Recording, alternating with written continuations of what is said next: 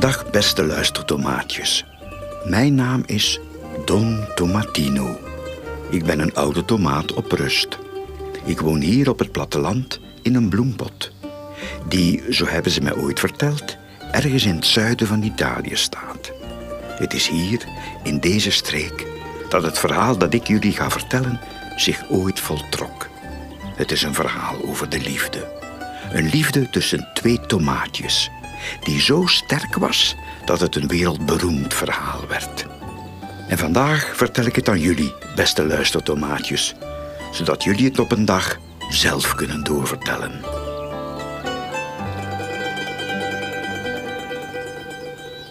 Lang geleden woonden er hier in de streek twee tomatenfamilies die al eeuwen met elkaar ruzie maakten. Langs de ene kant was er de familie de la Serra, met aan het hoofd graaf en gravin de la Serra. Skattebout, wat ga jij doen vandaag? Oh, ik ga het zwembad een beetje rijpen in de zon. Oké, maar niet te lang. Ik wil geen zongedroogde echtgenoot, uh, nietwaar? De de la Serra's waren een tomatenfamilie van adellijke afkomst, die sinds tomatenheugnis in een kast van een serre woonden. Omdat ze dagelijks goed bemest werden en de hele dag van de zon genoten, werden de la Serra tomaten gigantisch groot en sappig. Zo sappig dat ze bijna uit een pijl barsten, elke keer wanneer ze in het zwembad doken. Mommetje! Oei, met een paal. In het veld aan de overkant van het Serrepaleis had je de familie van de Velde. Een grote, maar arme tomatenfamilie. De Van de Velde tomaten hadden geen Serrepaleis en waren dus niet beschut tegen regen en koude. Ze werden ook niet bemest. Tenzij er een voorbijvliegende vogel toevallig wat liet vallen natuurlijk. Merci, hè. Daardoor bleven de Van de Velde tomaten heel klein en werden ze vaak bespot door de reusachtige de la Serra's. En ik heb met die van de Veldes ooit een knikkerwedstrijd gewonnen. Ja, zij waren de knikkers. Aan het hoofd van de familie van de Velde stonden Gerard en Madeleine van de Velde. Beide hardwerkende, maar verbitterde tomaatjes. Zij hadden dan ook geen goed woord over voor de de la Serra's. Van die de la Serra's, hè, zouden ze beter tomaatfarcie maken. Kop eraf, volsteken met gekapt. En laat de stoven op 220 graden, de jus. Voilà. Omdat de tomatenfamilies al zo lang in ruzie lagen en elkaar meden als de tomatenpest, hadden hun kinderen elkaar nog nooit ontmoet. De familie de la Serra had één dochter, Tomara. Een lief kind, even rond als gezond, maar helemaal niet zo verwaand als haar ouders. Oh, pa, stop toch eens met die flauw grappen over de Van de Veldes. Die hebben nu toch helemaal niks misdaan? Oh, De Van de Velders hadden negen kinderen. Stuk voor stuk schatjes van tomatjes. Maar tussen de oudste zoon Thomas, die graag gitaar speelde, en vader van de Velde, durfde het soms wel eens botsen.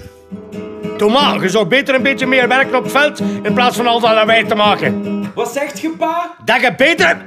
Ja, laat maar. Op een avond stonden Thomas en zijn beste vriend Tom Marco op het veld naar de sterren te kijken. In de verte zagen ze de lichtjes op het paleis van de de la Serra schitteren. Daar was duidelijk een groot feest aan de gang. Oh, Tom Marco, wat zou ik ook graag eens naar zo'n feest gaan. Daar in die serre. In, in die... maar alleen Thomas, zet jij zot? De, de La Serra zou direct ketchup van u maken. Oh, nee. Ja, van zodra graaf de La Serra u herkent, dan springt hij met zijn volle gewicht bovenop u en... Je zet nog maar een klein plasje passata. Tja, dan, dan moeten we er gewoon voor zorgen dat ze ons geen niet herkennen, hè, man. Eh, eh, wat?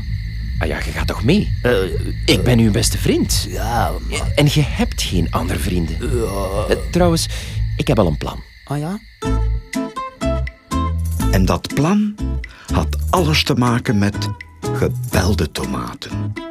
Want je moet weten dat door hun gulzigheid de de la Serra tomaten zich soms bijna niet meer konden bewegen. Omdat hun pijl te strak zat. Mon Dieu, je kan niet meer. Oh. Daarom gingen ze af en toe naar een warmwaterbron, niet ver van het paleis. Het warme bronwater had een afslankend effect op alle groenten die er kwamen in sudderen. Uiteraard moet je wel eerst je pel of schil uitdoen. Anders heeft het geen zin. Dit is het plan. Terwijl die tomaten zitten te sudderen in een heg vet, pikken wij in de kleedkamer een pijl. En die trekken wij aan om naar het feest in het Serrepaleis te gaan. Allee, kom. Nee, nee, nee, wacht, Thomas, wacht even. oh. Enfin, die pijl is kei groot. Eh, Dat is een XXXXL. Ik kan daar tien keer in. Allee, man, dat is nu toch niet zo moeilijk. Kijk, je stapt in de pijl, je doet ze dicht en je begint te blazen.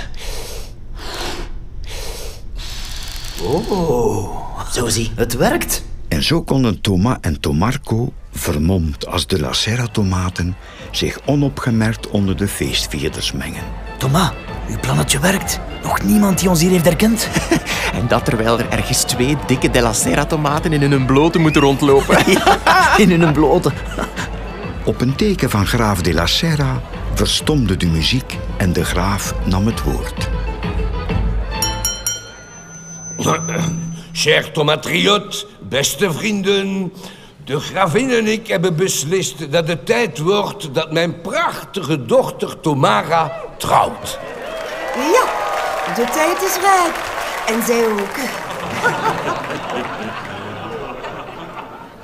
Maar plots weer klonk van op een bloembakbalkon de stem van Tomara. Trouwen? Ik, hè? Ik wil trouwen. Ah, ah, ah, Tomara, kom er even bij, schatterbout. We hebben het tenslotte over jouw trouw. Kwaad kwam Tomara de grote trap in het midden van het Serrepaleis afgestapt.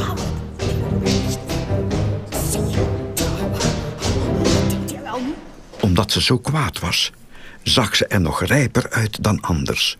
Blozende wangen, strak in de pel, met de hevigste rode kleur die een tomaat ooit had uitgestraald. Thomas was onmiddellijk verliefd.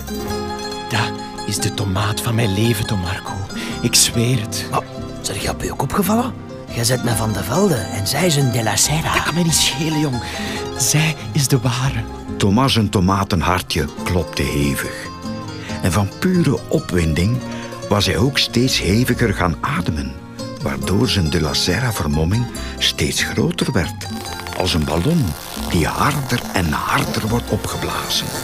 En net toen graaf de la Serra vroeg, Wie, wie wil er met onze prachtige dochter Tomara trouwen? Ik! Ik wil met haar trouwen. knalde Thomas zijn vermomming in duizend stukjes. Gedurende een paar seconden stond de tijd stil. Toen hun blikken elkaar kruisten, zagen Thomas en Tomara in elkaars ogen wat tomaten zelden in elkaars ogen zien. Een zielsverwant, waarmee je samen een leven lang wil rijpen. Daar en dan wisten ze dat ze voor elkaar waren voorbestemd. Maar de tijd bleef niet stilstaan, want ook Tomarco's vermomming begaf het. Oeps. Dag iedereen. Dat zijn van de Veldes. Verraad! Pak ze! Vang ze!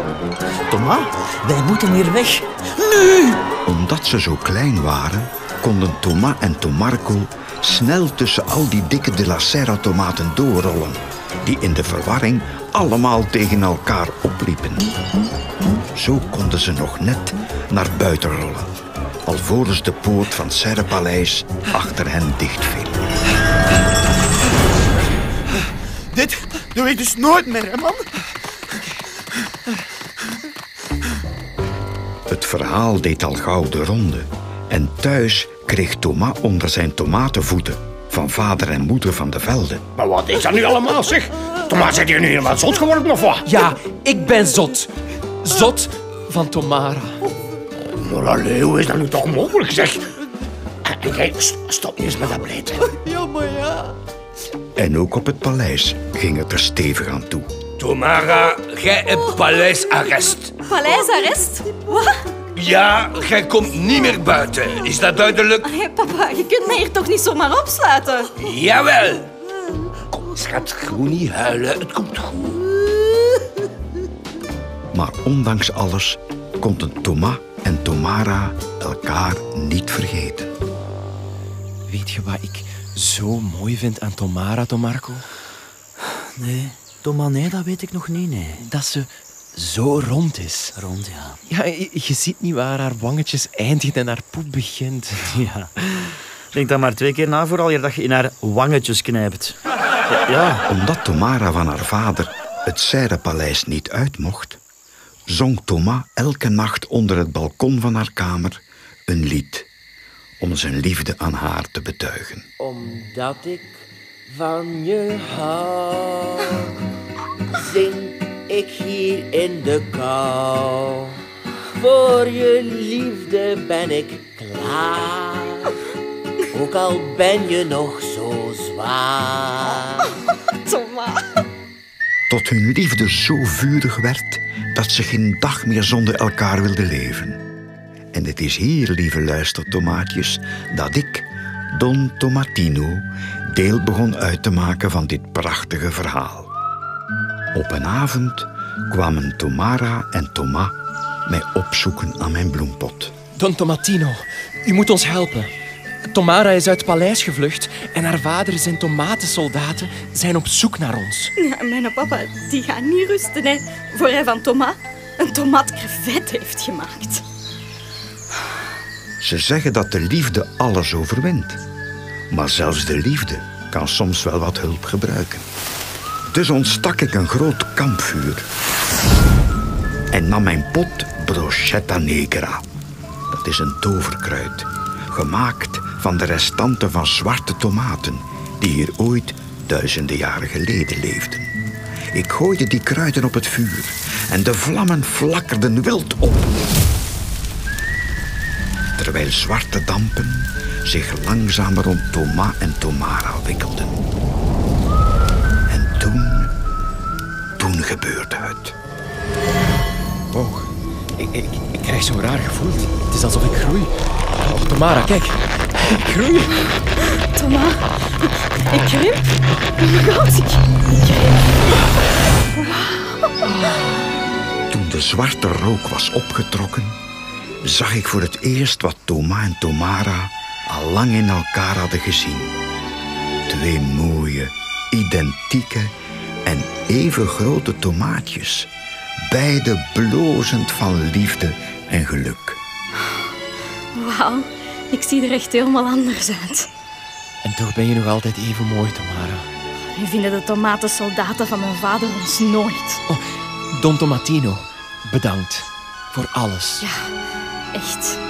Nu kunnen we elkaar voor de rest van ons leven graag zien. Maar nu moeten we er snel vandoor. Ciao, Don Tomatino. Ciao. En beloof ons alsjeblieft dat je dit tegen niemand vertelt. En dat heb ik ook nooit gedaan.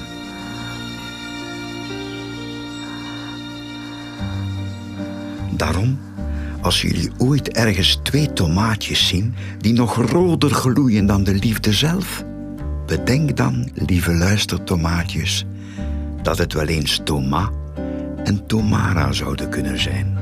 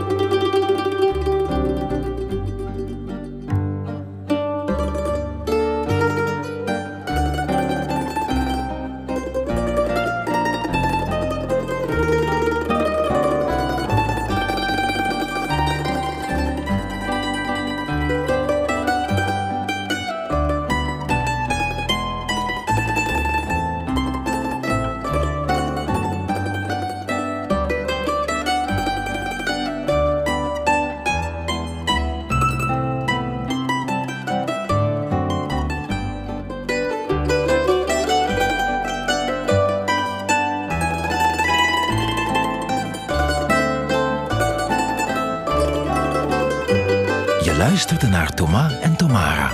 Een tomato tale geserveerd door Think Tomato. Concept en productie door Sonhouse.